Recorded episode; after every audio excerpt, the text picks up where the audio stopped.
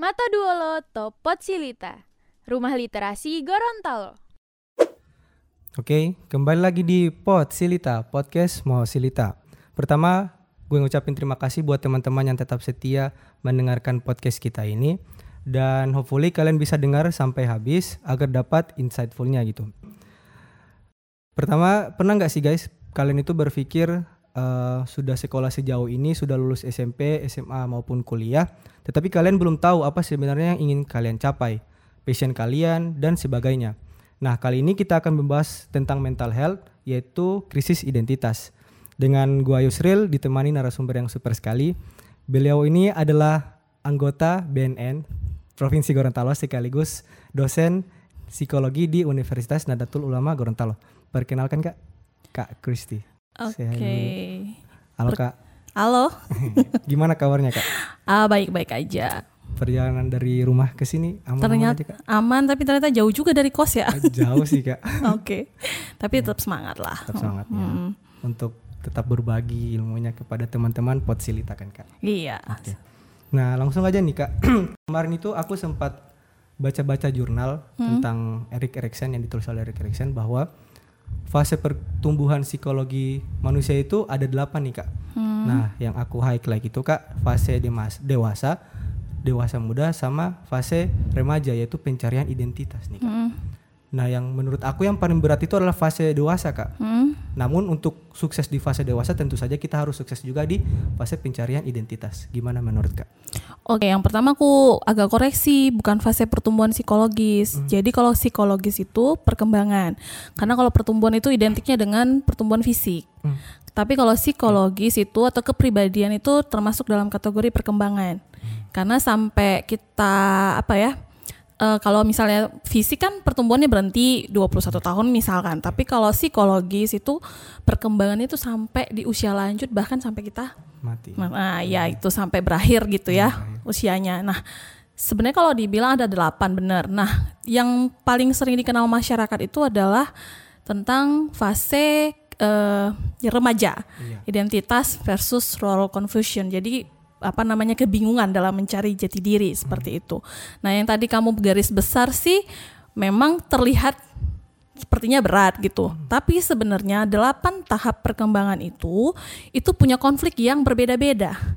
Jadi perkembangan personality itu oke, okay, perkembangan personality itu kan uh, ketika sebenarnya kita ketika kita masih kecil, tapi tidak dalam bentuk personal uh, personality. Karena istilah personality itu itu pada tahap dewasa awal. Sebelumnya itu dikenal dengan karakter atau temperamen. Hmm. Nah, jadi sebenarnya kalau ditanya paling penting mana sih? Sebenarnya itu dasarnya sejak dini atau tahap pertama. Trust versus trust. mistrust ah, gitu ya. Itu sebenarnya yang akan menentukan ke depannya, bukan menentukan tapi berpengaruh besar terhadap perkembangan personality seseorang. Jadi dasarnya ya, Kak. Dasarnya. Nah, cuman memang jauhnya perbedaan itu itu ketika memang orang di fase remaja ke dewasa. Hmm, Ada banyak perubahan besar. Hmm. Makanya orang sering sekali menyoroti tentang uh, krisis identitas itu di uh, remaja menuju dewasa. Yeah. Padahal sebenarnya setiap tahap perkembangan itu memiliki krisis yang berbeda-beda hmm. gitu. Ada hmm. kon istilahnya kalau kami konflik ya, ya krisis lah gitu ya.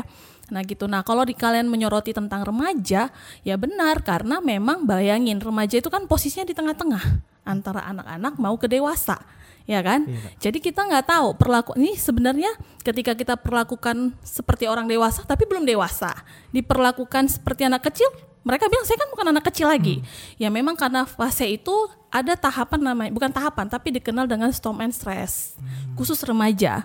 Jadi memang masa-masa di mana penuh badai bergejolak dan stres yang dihadapi. Makanya memang konsentrasi bukan konsen sih tapi general banyak orang kenal krisis identitas itu terletaknya di masa fase remaja gitu. Hmm. Padahal yang perlu diluruskan bahwa setiap tahapan itu punya krisis yang berbeda-beda hmm. gitu. Itu sih. Cuman karena masyarakat kita dan e, menurut saya sih banyak yang menyorotinya di situ karena tugas setiap tahapan tuh punya tugas perkembangan. Hmm di remaja tugas perkembangannya adalah mencari identitas diri. Hmm. Ketika dia berhasil, dia peroleh identitasnya. Dapat validasi. Iya. Tapi ketika tidak berhasil, nah itu jadi kebingungan. Hmm. Ya, gitu. Jadi dia mencari ke mana-mana. Nah itu ya dipengaruhi lagi bahwa masanya remaja itu adalah masa storm and stress hmm. gitu. Gitu. Jadi ketika dia mampu mencapai identitas dirinya dengan baik, maka masa dewasa uh, selesai kan? Maka dia menyelesaikan tugas perkembangan di usia remajanya itu udah ya baik. Tinggal dia melangkah ke menjadi seorang dewasa, orang yang dewasa itu juga akan berjalan kemungkinan akan baik juga hmm. gitu. Gitu sih yang saya maksudnya yang agak perlu sedikit diluruskan gitu loh terkait tentang krisis identitas dan krisis identitas itu sebenarnya itu pemahamannya apa dulu gitu. Kalau hmm. menurut kamu apa? Nah, menurut aku sih pencarian jati diri aku sih kayak contoh simpel pertanyaan itu kayak hmm. ketika ditanya oleh orang, kamu ingin jadi apa? Terus hmm. passion kamu apa?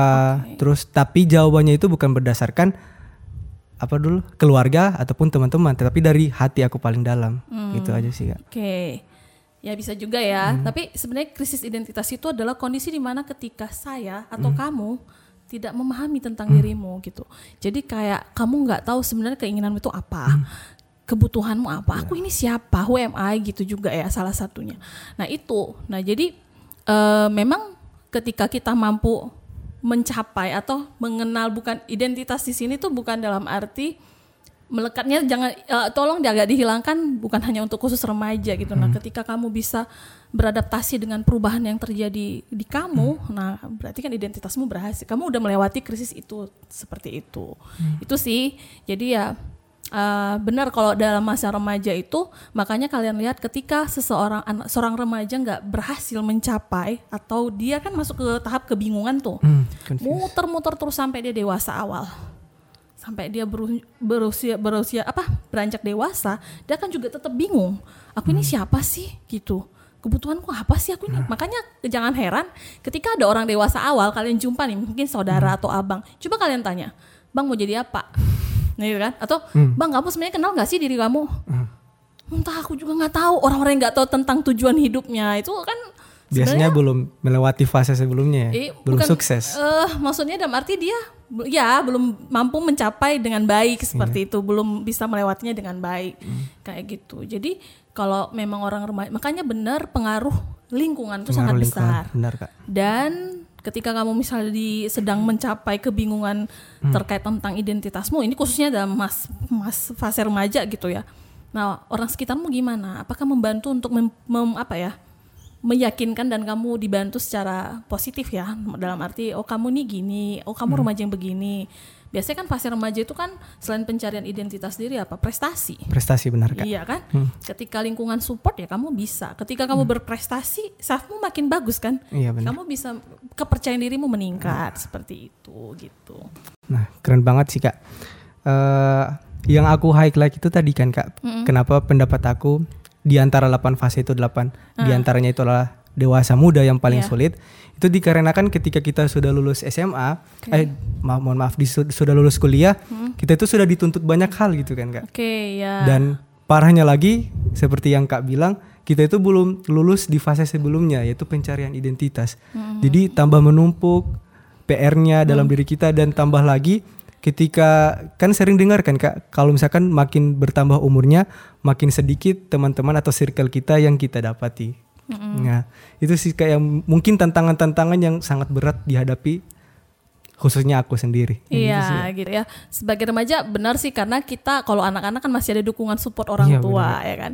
Kalau remaja itu kan Langsung harus belajar. Tung. Iya, harus benar-benar dia akan menjadi sosok iya. yang mandiri iya, ketika dewasa ya kan. Benar. Jadi memang agak karena gitu tugas per, istilah di psikologi itu tugas perkembangan. Jadi ketika hmm. kamu tidak mampu menyelesaikan tugas perkembanganmu dengan baik di fase remaja misalnya itu akan membebani sampai kamu jadi dewasa awal, hmm. terus kamu akan menjadi dewasa madi atau lanjut usia. Hmm. Nah itu akan terbebani. Makanya jangan heran kenapa ada orang yang ketika dia udah masuk dalam usia lanjut ada mohon maaf ya misalkan kayak banyak tangkapan narkoba kami juga gitu hmm. ternyata setelah digali oke okay, ternyata memang faktor keluarga faktor uh, oke okay, faktor keluarga tapi setelah kami gali masa remajanya memang hmm. dia nggak tahu identitas dirinya gitu okay, okay, okay. akhirnya ketika dia menjadi seorang dewasa awal ini dewasa awal kayak kita hmm. umur 25 tahun sampai 40 tahun di mana tugas perkembangannya adalah menjadi sosok yang mandiri hmm. bisa bekerja nah, nah dia nggak mampu meraih itu hmm. nah akhirnya ketika misalnya dia udah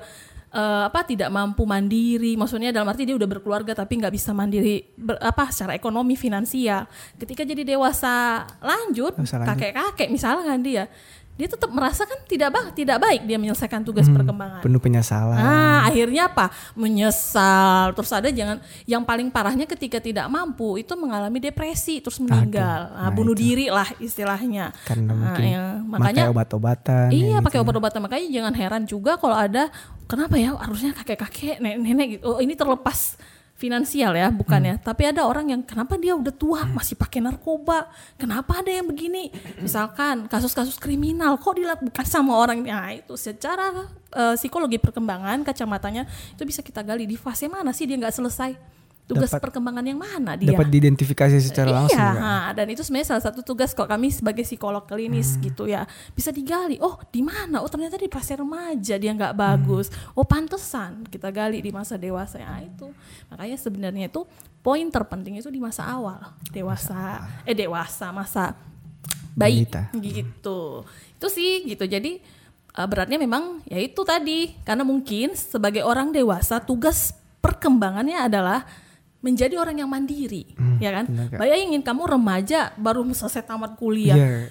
Eh, ini tidak lepas dari budaya kita yang um, pokoknya udah selesai kuliah kamu cari kerja sendiri gitu kan. Coba kalau orang-orang bule kan nggak kayak gitu. Hmm. Iya, nah, benar. budaya Indonesia tuh kan kayak gitu. Pokoknya dikuliahin udah bisa jadi pegawai, ngasilkan duit udah gitu. Hmm. Akhirnya kan ya balik lagi. Akhirnya membebani si remaja yang akan menjadi dewasa awal itu gitu. Nah, ketika Hmm. kamu walaupun kamu menyelesaikan dengan baik tapi lingkungan misalnya ketika kamu remaja kamu bisa menyelesaikan yang dengan baik tapi ketika kamu beranjak di dewasa awal lingkunganmu tidak support ya kamu eh, apa tugas perkembangan dewasa awalmu juga nggak akan baik gitu berjalan dengan baik Itu menarik banget sih kak. Hmm? Tambah galaunya lagi tuh ketika kak bilang tadi kayak kesuksesan itu diukur dari pangkat, misalkan dari uang ataupun Ah. dari hal-hal mungkin kayak kita sebagai pelajar diukur dari suatu subjek tertentu seperti nilai matematika. Padahal seorang manusia itu kan tidak sekompleks itu, sedangkan kesuksesan itu tidak sesederhana itu kan kak. Nah iya benar gitu. Makanya kita sih nggak bisa lepas ketika membahas psikologi itu nggak bisa lepas dari budaya. Iya benar kak. Jadi budayanya kita ya memang kayak gitu. Tapi kalau di luar negeri kan nggak kayak gitu. Kamu kan Hmm. kuliahnya juga di luar toh. Pasti kan berbeda gitu. Nah, tapi back to Indonesia gitu. Kayak kami contoh saya orang dewasa awal. Hmm. Toh tugas perkembangannya harusnya apa? Menikah, menjalin Hmm. relasi. Kalau tahap perkembangan dewasa awalnya nggak bagus, nanti akan menjadi intimacy versus isolation. Jadi artinya Itu menarik banget. Nah, intimacy itu berarti kita menjalin relasi yang baik. Dalam hal ini itu menikah, Nikah. ya. Tapi intimacy kalau di luar negeri itu kumpul kebo cohabit biasa itu itu dimaklumi. Tapi Ya. Indonesia kan tidak, Tidak, ah. ya kan? Nah, kalau nggak dapat merasa apa? Kesepian, isolasi, akhirnya menarik diri. Depresi. Di- Iya, akhirnya akan ujung-ujungnya depresi. Tapi setidaknya jadi menutup diri. Ah, Nah, takut dikatain peran tua gitu ya. Nah, seharusnya di Indonesia bilangnya usia berapa? 25 cewek wajib nikah 25. ya kan? Nah gue udah kepala tiga. Nggak nggak kalau aku sih jadi orang dewasa aku mikir kebahagiaan dia nggak diukur lewat menikah cepet, Hmm, menikah cepet gitu kan. Tapi aku punya jalan sendiri gitu. Misalnya dengan mengisi sambil menunggu jodoh misalkan ya, mengisi dengan hal-hal yang positif, Hmm. Positif. bekerja atau ya ikut apa segala macam seperti itu.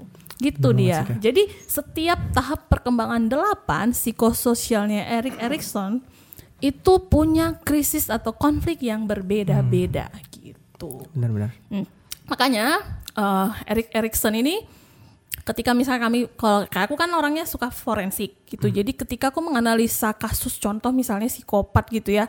Kenapa orang bisa jadi psikopat? Itu pakai psikologi perkembangan. Rusaknya di mana dia? Oh dirusaknya di sini. Oh wajar. Begini begini begini sampai akan berlanjut di usianya yang sekarang seperti itu gitu. Benar-benar. Kak. Dan mungkin eh, apa ya kak? Tantangan untuk kita sebagai remaja milenial sekarang itu yang saya pahami itu kayaknya kak lebih sulit remaja sekarang untuk mencari identitasnya dibandingkan remaja dahulu kak.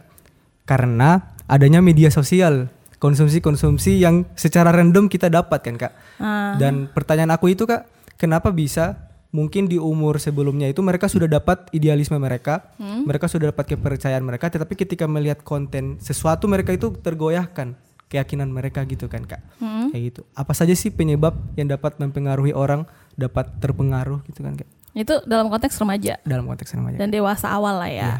Yang pertama kita nggak lepas nih kalau remaja ngebahasnya. Kenapa mungkin dia bisa berhasil mesti menjalani tugas perkembangan sebelumnya? Kenapa remaja sekarang jadinya susah? Iya nggak sih? Eh, milenial sekarang itu kan dianggap sebagai kaum manja dan Kaum rebahan. dicap autism. Padahal sebenarnya bukan autis. Autism itu kan diagnosanya secara psikologis itu harus ada kriteria tertentu. Hmm. Tapi autis ini kan sebagai label aja. Kalau kamu suka menyendiri terus kamu main game, hi, udah No life. autis gitu ya nge, live Ada lagi yang dibilang itu self love, narsistik kayak gitu-gitu kan. Enggak, benar. Nah, kenapa? Itu sebenarnya satu ya kayak kamu tadi bilang kalau masa-masa remaja ini kan masa-masa em, pencarian jati Pencarian diri. Eh, dalam hal ini butuh pengakuan Iya, dari orang sekitar bahwa dia adalah seorang remaja mau jadi orang dewasa. Gitu dia nggak eh, mereka makanya butuh eh, apa namanya? Ya, ibarat ini divalidasi, diakui, Diakui lah. Gitu orang. makanya ada orang remaja yang pengen banget. Nah, apalagi kan remaja itu identik juga kalau dalam kasus-kasus remaja itu tentang citra diri kan. Body image-nya mereka ya kan. Nah, itu akhirnya ketika oh, ikut apa? Lihat medsos seharian apa segala macam. Pengen apa? Pengen apa ya? Butuh pengakuan ya kan? Ditambah lagi ditengok temannya bisa satu geng ya kan? Ih temannya ini udah banyak followernya. Yang ini inilah aku masa nggak pakai gitu ya. Dia nggak menggunakan medsos. Ya akhirnya apa? Dia juga butuh dong pengakuan. Misalkan sama satu geng temenmu semua itu selebgram. Dia enggak dia kan berusaha. Iya, aku butuh benar-benar. diakui gitu kan. Akhirnya dia mau gimana pun akhirnya jadinya lupa dia bahwa dia punya peran sosial Benar. ya kan? Akhirnya dia punya tanggung jawab di lingkungan sekitar. Misalnya kayak tadi misalnya jadi dia malas belajar terus dia hubungan apa retak dengan keluarga orang tua dalam hal ini. Kayak gitu. Karena dia lupa bahwa ya itu eh balik lagi kami memahami bahwa remaja itu sedang butuh pencarian identitas diri. Bahkan kan sampai ada yang mau gila-gilaan nih anak remaja yang melakukan hal-hal di luar batas yang penting banyak follower. Hmm, yang penting viral. Iya kan? Padahal sebenarnya di sisi dirinya secara psikologis dia bermasalah tuh, krisis identitas juga salah satunya gitu karena dia butuh pengakuan seperti itu. Itu kalau remaja dewasa ya kurang lebih seperti itu sih gitu. Kalau korelasinya antara keluarga sam dengan pencarian identitas orang remaja, kira-kira apa menurut kak? Penelitian itu nggak hanya yang nggak hanya teori ya, penelitian juga banyak membuktikan berkorelasi positif ya. Jadi eh bukan eh, apa berbanding lurus. Jadi kalau keluargamu support gitu, positif ya supportnya. Ya supportnya kan bisa dua positif negatif ya. Mensupport secara positif maka remaja juga akan bertumbuh atau menyelesaikan tugas perkembangannya itu juga dengan baik. Bayangin kamu ketika kamu sedang mencari identitas diri. Ini aku nggak tahu nih aku ini aku tahu namaku tapi aku nggak tahu aku bakatku apa misalnya dari bakat ya. Aku ini eh, sekolah nggak pintar-pintar aman tapi masa sih aku nggak punya bakat, Bakat, gitu? Nah Ah, contoh nih ya. Jadi keluarganya tuh support nggak dengan cara dia membantu anaknya. Yuk kamu temukan bakatmu. Bukan menuntut untuk kamu harus sekolah harus ranking. Nah kan, pokoknya kamu harus minimal kamu 10 besar seperti itu. Nah ketika misalkan dia tidak didukung dengan arti kapasitas intelektualnya juga nggak pinter-pinter amat, terus gimana kalau lingkungan keluarganya tetap menuntut dia untuk menjadi seseorang akademis gitu yang harus pinter, ya kan akhirnya dia apa?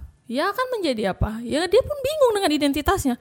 Lah aku disuruh belajar tapi aku nggak bisa ini gitu ya. Galaunya di situ sih kak. Galau, ah, galaunya di situ. Iya benar. Padahal Tuhan itu kan memberikan kertas ujian berbeda-beda kan kepada manusia. Iya. Tapi kita sering membanding-bandingkan diri kita sama orang lain gitu kan kak. Iya. Jadinya apa? Jadinya kayak hati kita itu kayak kosong gitu kan kak. Dan tidak ada kayak makna hidup apa yang sebenarnya kita jalanin gitu kan. Karena kebanyakan membanding-bandingkan dan mungkin kita itu pengen menggapai apa sebenarnya yang digapai orang, tetapi kita tidak ingin tahu sebenarnya yang di dalam hati kita itu inginnya menggapai apa kan. Iya, Itu galaunya sih, gitu. Kak. Iya makanya makanya peran keluarga itu sangat penting, membantu untuk mensupport. Ibaratnya itu kita eh, keluar supaya kita tahu kita ini orangnya apa sukanya. Orang kan punya potensi yang berbeda-beda toh. Jadi memang keluarga itu harus berperan penting dalam membantu gitu. Nah, ketika pun saat ini kondisi kamu ataupun orang teman-teman yang di, di luar sana merasa bahwa keluarganya tidak support ketika dia sekarang sedang dalam fase masa remaja kayak gitu. Ya apa ya yang nggak perlu eh, saran saya sih nggak perlu khawatir gitu kamu bisa juga support minta support selain dari keluarga orang-orang sekitar misalnya sahabat ya kan? Atau yang lain lah orang-orang terdekatmu seperti itu. Dan itu akan jadi peran pembelajaran buat kamu juga ketika besok besok kamu jadi orang tua. Hmm. karena kamu pernah di fase itu. Jadi kamu diharapkan ya udah jangan ulangi lagi kesalahan yang sama. Gitu benar, sih. benar, benar. Hmm. dan kira-kira kak punya tips dan trik kak, kak? Ketika kita itu melihat atau belajar tentang sesuatu itu kita dapat menimbang yang mana yang baik dan mana yang buruk untuk kita tiru gitu ya oke okay. hmm Dibilang tips and trick, ini khusus remaja kah? Iya, khusus remaja. Nah, ini ngomong tentang remaja beda dengan orang dewasa awal ya. yang bisa ngambil keputusan iya, sendiri, bener, ya. ya kan? Kita kadang kan mengambil keputusan itu berdasarkan ego kita kan, iya. berdasarkan nafsu. Ah, nah, hmm. memang kita nggak bisa bilang remaja itu harus bisa memutuskan segala sesuatu itu sendiri. Hmm. Tidak. Jadi kalau kamu tanya gimana kak caranya, salah satu tipsnya, kamu memang sebagai orang remaja butuh support yang memang agak sedikit besar dibanding hmm. orang dewasa awal. Hmm. Dalam hal ini mungkin orang tua kalau punya, maksudnya orang tuanya kalau support atau siapa pun yang uh, figur lekatmu yang dekat, yang yang bisa support kamu seperti itu. Terus yang kedua, uh, apa namanya itu uh, berusaha untuk uh, ini nih open minded kadang-kadang gini anak remaja itu kan egonya tinggi kan saya juga pernah di fase remaja hmm. pokoknya bangkang aja Bener. gitu kan dibilang kamu anak nakal padahal sebenarnya salah satu tuh dia lagi proses iya, ya kan bener. nah orang tua kita kan nggak memahami tentang itu hmm. gitu ya nah itu akhirnya uh, apa ya uh, berusaha untuk menjadi remaja yang juga open minded terhadap masukan orang lain. Memang egonya tinggi, nah, ya kan? Apalagi benar, anak remaja dinasihatin paling susah. Susah banget. Ya? Ah iya, karena dalam tahap uh, oh ini perkembangan moral, eh apa hmm. perkembangan kognitif, kognitif ya Colbert ya, teorinya Colbert. Nah dia itu kan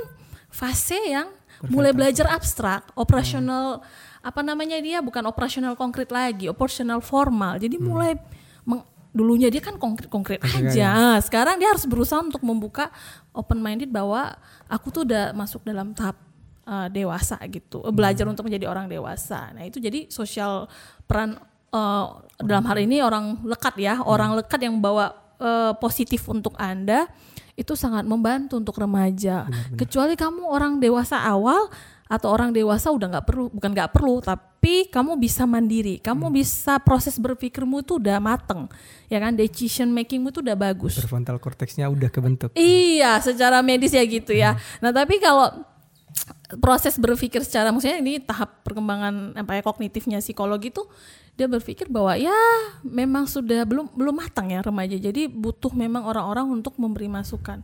Yang kedua kalau kamu mau maksudnya bisa ber, pengen terima kamu bisa berkembang lebih baik ya open minded sih rasaku gitu. Hmm. gitu karena dengan cara kamu open mind ya agak turunkan egonya. Berusaha untuk meredakan ego dan pikiran terbuka sehingga ketika kamu bisa open minded kan hal-hal positif bisa kamu tahu oh ini yang nggak baik oh ini pos yang ne yang yang baik ini yang negatif seperti hmm. itu karena orang remaja belum bisa secara perkembangan moral juga perkembangan sorry saya ralat perkembangan moral Corbett baru perkembangan teori kognitifnya Piaget itu tokoh tokohnya hmm. jadi kalau kita membahas perkembangan manusia tuh dek itu membahas banyak hal. Jadi nggak hanya psikososialnya tapi dibahas tentang perkembangan kognitifnya di usia masa remaja. Perkembangan apa lagi? Perkembangan moral. Itu tiga itu dibahas ketika kita membahas sebuah uh, apa?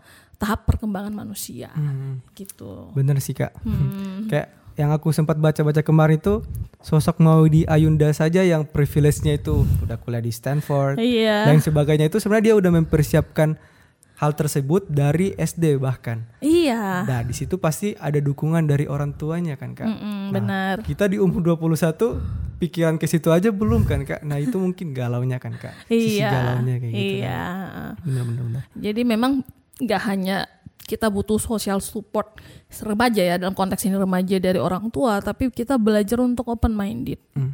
ya kamu diapain pun dikasih masukan diajarin kalau ini kamu nggak terbuka ya hmm. susah ya kan? Nggak berani untuk berani untuk out of the box belajar hal baru kayak gitu. Nah itu dia sih.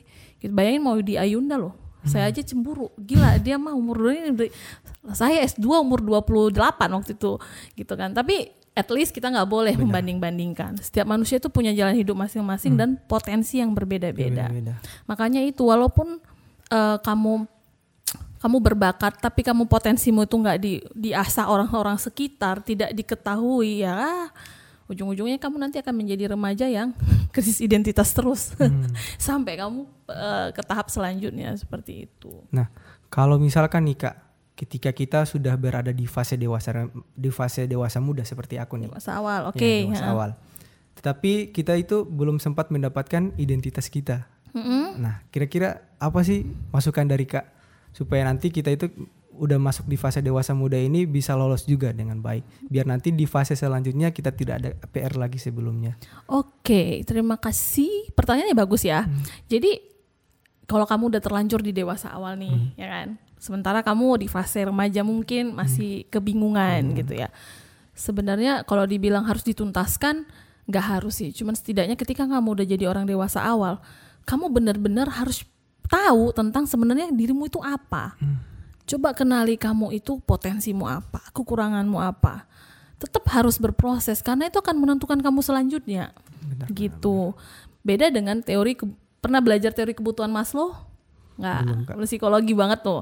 Jadi maksudnya kalau proses perkembangan ini, ini menurut teori Erikson ya, Iya. itu tuh memang akan linier berjalan terus. Nah, ketika kamu misalnya dewasa awal nih nggak selesai yang ini, nah itu akan terbawa terus, Benar Kak. ya kan? Akan membebani tugas perkembanganmu akan lebih banyak gitu Iya, loh. benar. Satu sisi kamu nikah, tapi kamu satu sisi nggak tahu identitas. Hmm. Iya, maksudnya Bahkan nggak tahu tujuan nikah apa. iya. Nah, itu berarti- akhirnya makanya kenapa nggak boleh nikah muda, Hmm, ya kan? Kak. Iya, kognitifnya belum jalan, Iya, perkembangan benar. ini juga tugas perkembangan belum selesai gitu. Nah itu jadi kalau kamu bilang terus gimana kak ya? Belajar untuk mengenal dirimu. Kalau kamu agak kesusahan itu ya datang aja ke psikolog. Biasanya psikolog bisa bantu gitu. Hmm. Benar, benar. Hmm, terus juga jangan lupa pilihlah lingkungan-lingkungan positif untuk dirimu.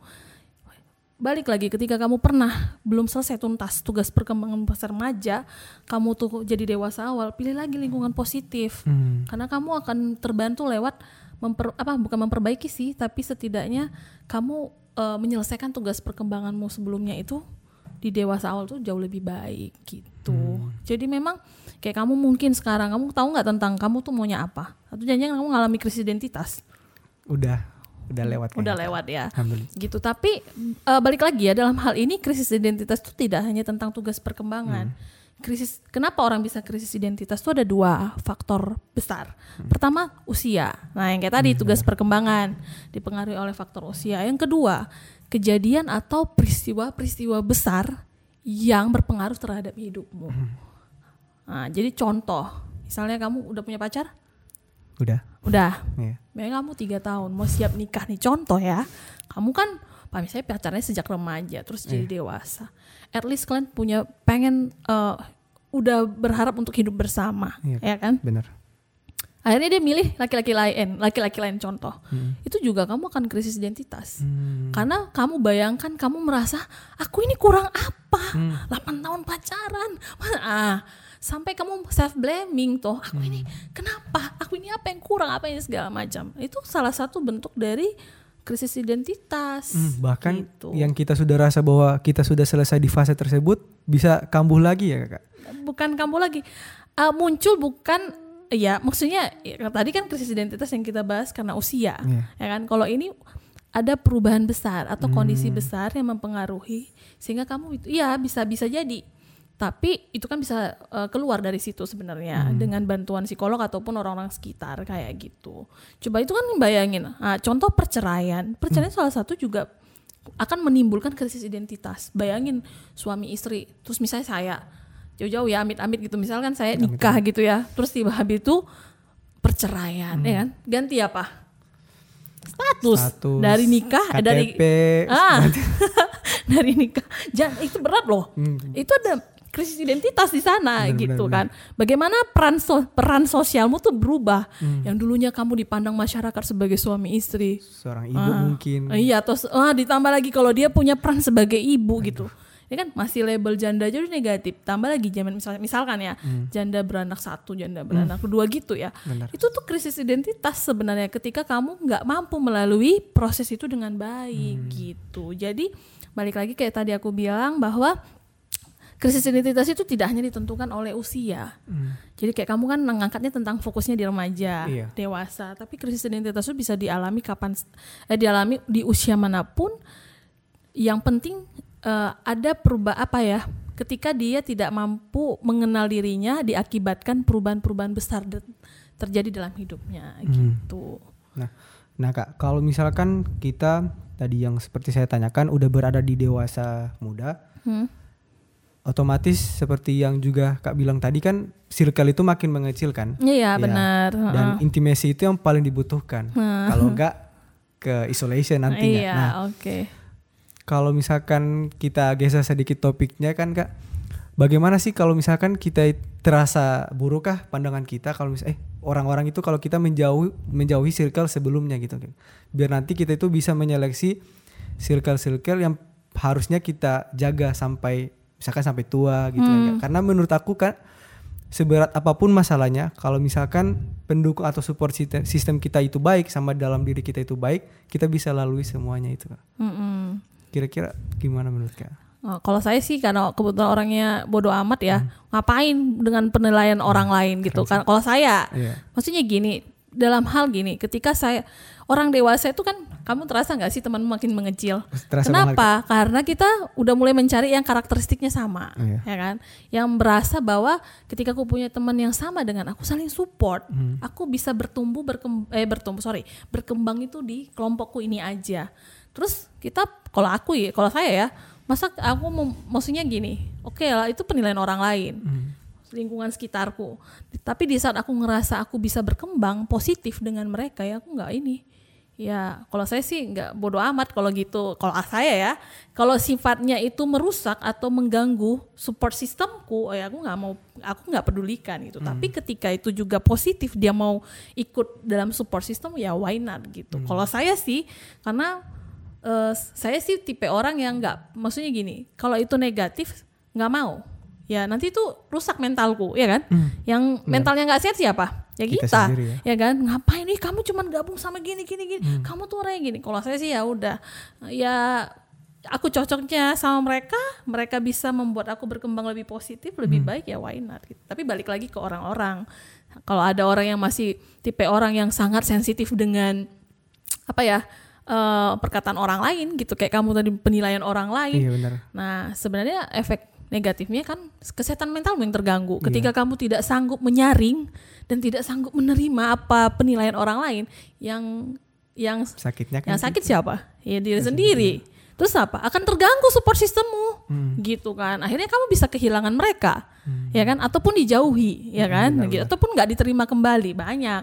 Nah, gitu. Kalau saya sih sarannya ya kalau yang sifatnya penilaian negatif nggak usah dipikirin. Karena itu akan mengganggu eh, kesehatan mental. Tapi saringlah atau terimalah yang hal-hal yang bersifatnya positif. Kayak gitu. Karena penilaian orang itu nggak akan pernah habisnya sampai kapan pun. Mau kita baik mau kita buruk tetap aja orang ada yang nggak suka. Ya kan? Iya. Penilaian orang kan cuman sejauh perkataan mereka kan kak. Itu Iya. tidak akan berimpact ke, ke kita. Kalau kita itu bodoh amat. Iya, Hmm, Eh, itu bahasa ini bodoh amat ya. Tapi kalau saya sih ya nggak usah pedulikan Iya, gitu ya. Tidak usah terlalu peduli dengan penilaian lingkungan yang sifatnya negatif. Hmm. Iya, kalau misalnya dibilang, ah kamu orang-orang pintar aja tuh mau bergaul, kami nggak. Ya kalau yang ini positif membawa aku berkembang lebih baik, Hmm. apa yang aku pusing mikirin anda? Kalau saya sih kayak gitu, gitu. Nah kak, kak kalau misalkan ada kayak contoh kita kita ini nih yang di sini, Hmm. terus punya sanak saudara atau mungkin pasangan atau mungkin teman yang krisis identitas, Hmm. mengalami krisis ide- identitas, apa sebenarnya yang harus kita lakuin kak agar bisa menggait atau mentreat mereka biar bisa melewati fase tersebut? Oke, yang pertama jadilah teman mereka. Jadi eh, maksudnya gini, eh sanak saudara, sanak saudara, keluarga ataupun teman. Nah, kamu jadi sosok bukan psikolog sih, tapi jadi pendamping yang positif ya. Jadi kamu dengar keluh kesah mereka. Kadang-kadang orang yang punya permasalahan kesedihan itu nggak mau cerita, Hmm. ya kan? Kalau yang sifatnya introvert tipenya, kalau yang extrovert agak enak gitu. Tapi kamu berada di samping mereka. Coba bantu mereka cari permasalahanmu apa sih sebenarnya. Misalnya gitu kayak tadi aku kok nggak tahu ya diriku ini apa potensinya. Kamu sebagai orang terdekat, kamu bisa yuk konsultasi misalkan ke psikolog. Kita lihat nih potensimu sebenarnya kamu cocoknya di mana. Hmm. Misalkan dalam hal ini pengen berkarir, biar kamu tahu karirmu itu cocoknya di mana, bisa. Atau yang kedua, misalkan dia ter ini karena oh ini terkait tentang usia. Misalnya kan misalnya yang kedua contoh, ya misalnya kegagalan menikah itu disebabkan oleh ke- kejadian-kejadian besar ya. Iya kak. Atau misalnya perceraiannya kamu di samping dia belajar untuk menjadi pendengar yang baik dulu lah. Hmm. Usah kasih masukan. Kadang-kadang orang nggak penting masukan. Yang penting didengar aja dia cuap-cuap. Itu udah Hmm. rilis stres atau rilis emosi negatifnya itu udah udah terkeluar setengah gitu ya. Hmm. Nah itu. Yang ketiga ya pokoknya kalau kalian membantu krisis identitasnya eh, saudara atau orang-orang terdekat kalian, coba gali dulu sebenarnya masalahnya dia apa. Ya gitu. Kamu misalnya pasanganmu sedang alami apa yang dia alami. Bantu dia untuk mencari sebenarnya permasalahannya apa. Nah, ketika kamu bisa mampu menggali, yang kedua cari solusinya kira-kira itu apa.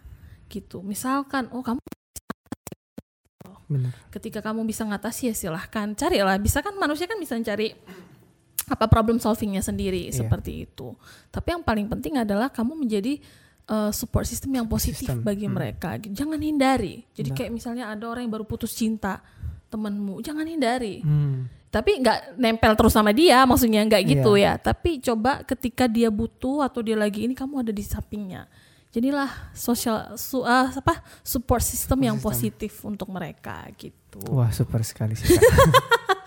gitu sih kalau saya ya mudahnya gitu Ah, Oke, ba- last but not least kak, oke kita kan bakal menghadapi hari kemerdekaan ya kira-kira dua atau tiga minggu lagi. Hmm. Kak punya kesan untuk teman-teman mengenai mental health, uh, spesifiknya itu tentang krisis identitas. Hmm. Dipersilahkan kak. mental health munyem Eh, jadilah generasi bangsa yang benar-benar tahu tentang dirimu sendiri Hmm. Karena ketika Anda mengenal diri Anda sendiri, Anda mampu memberikan eh, apa ya? hal yang terbaik untuk kamu, keluargamu, ya dan negara ini gitu. Seperti itu sih. Jadi bagi remaja, kenalilah dirimu dengan baik-baik. Benar. Karena kamu sebagai generasi bangsa. Waduh, Bangsa itu akan bagus ketika generasinya bagus. benar. Nah, ketika misalnya kamu bobrok, ya kamu nggak akan bisa jadi penerus generasi bangsa yang baik gitu aja sih. Jadi ya kenalilah dirimu sebaik-baiknya seperti itu. Super sekali. Terima kasih banyak nih kak atas ilmu yang diberikan kepada kami Sama-sama. dan semoga apa yang kak berikan kepada kami ini dapat kita langsung terapkan. Hmm, Oke ya. Itu aja sih guys Oke. untuk podcast kita kali ini. Dan see you lagi di next podcast selanjutnya. Makasih guys. Assalamualaikum.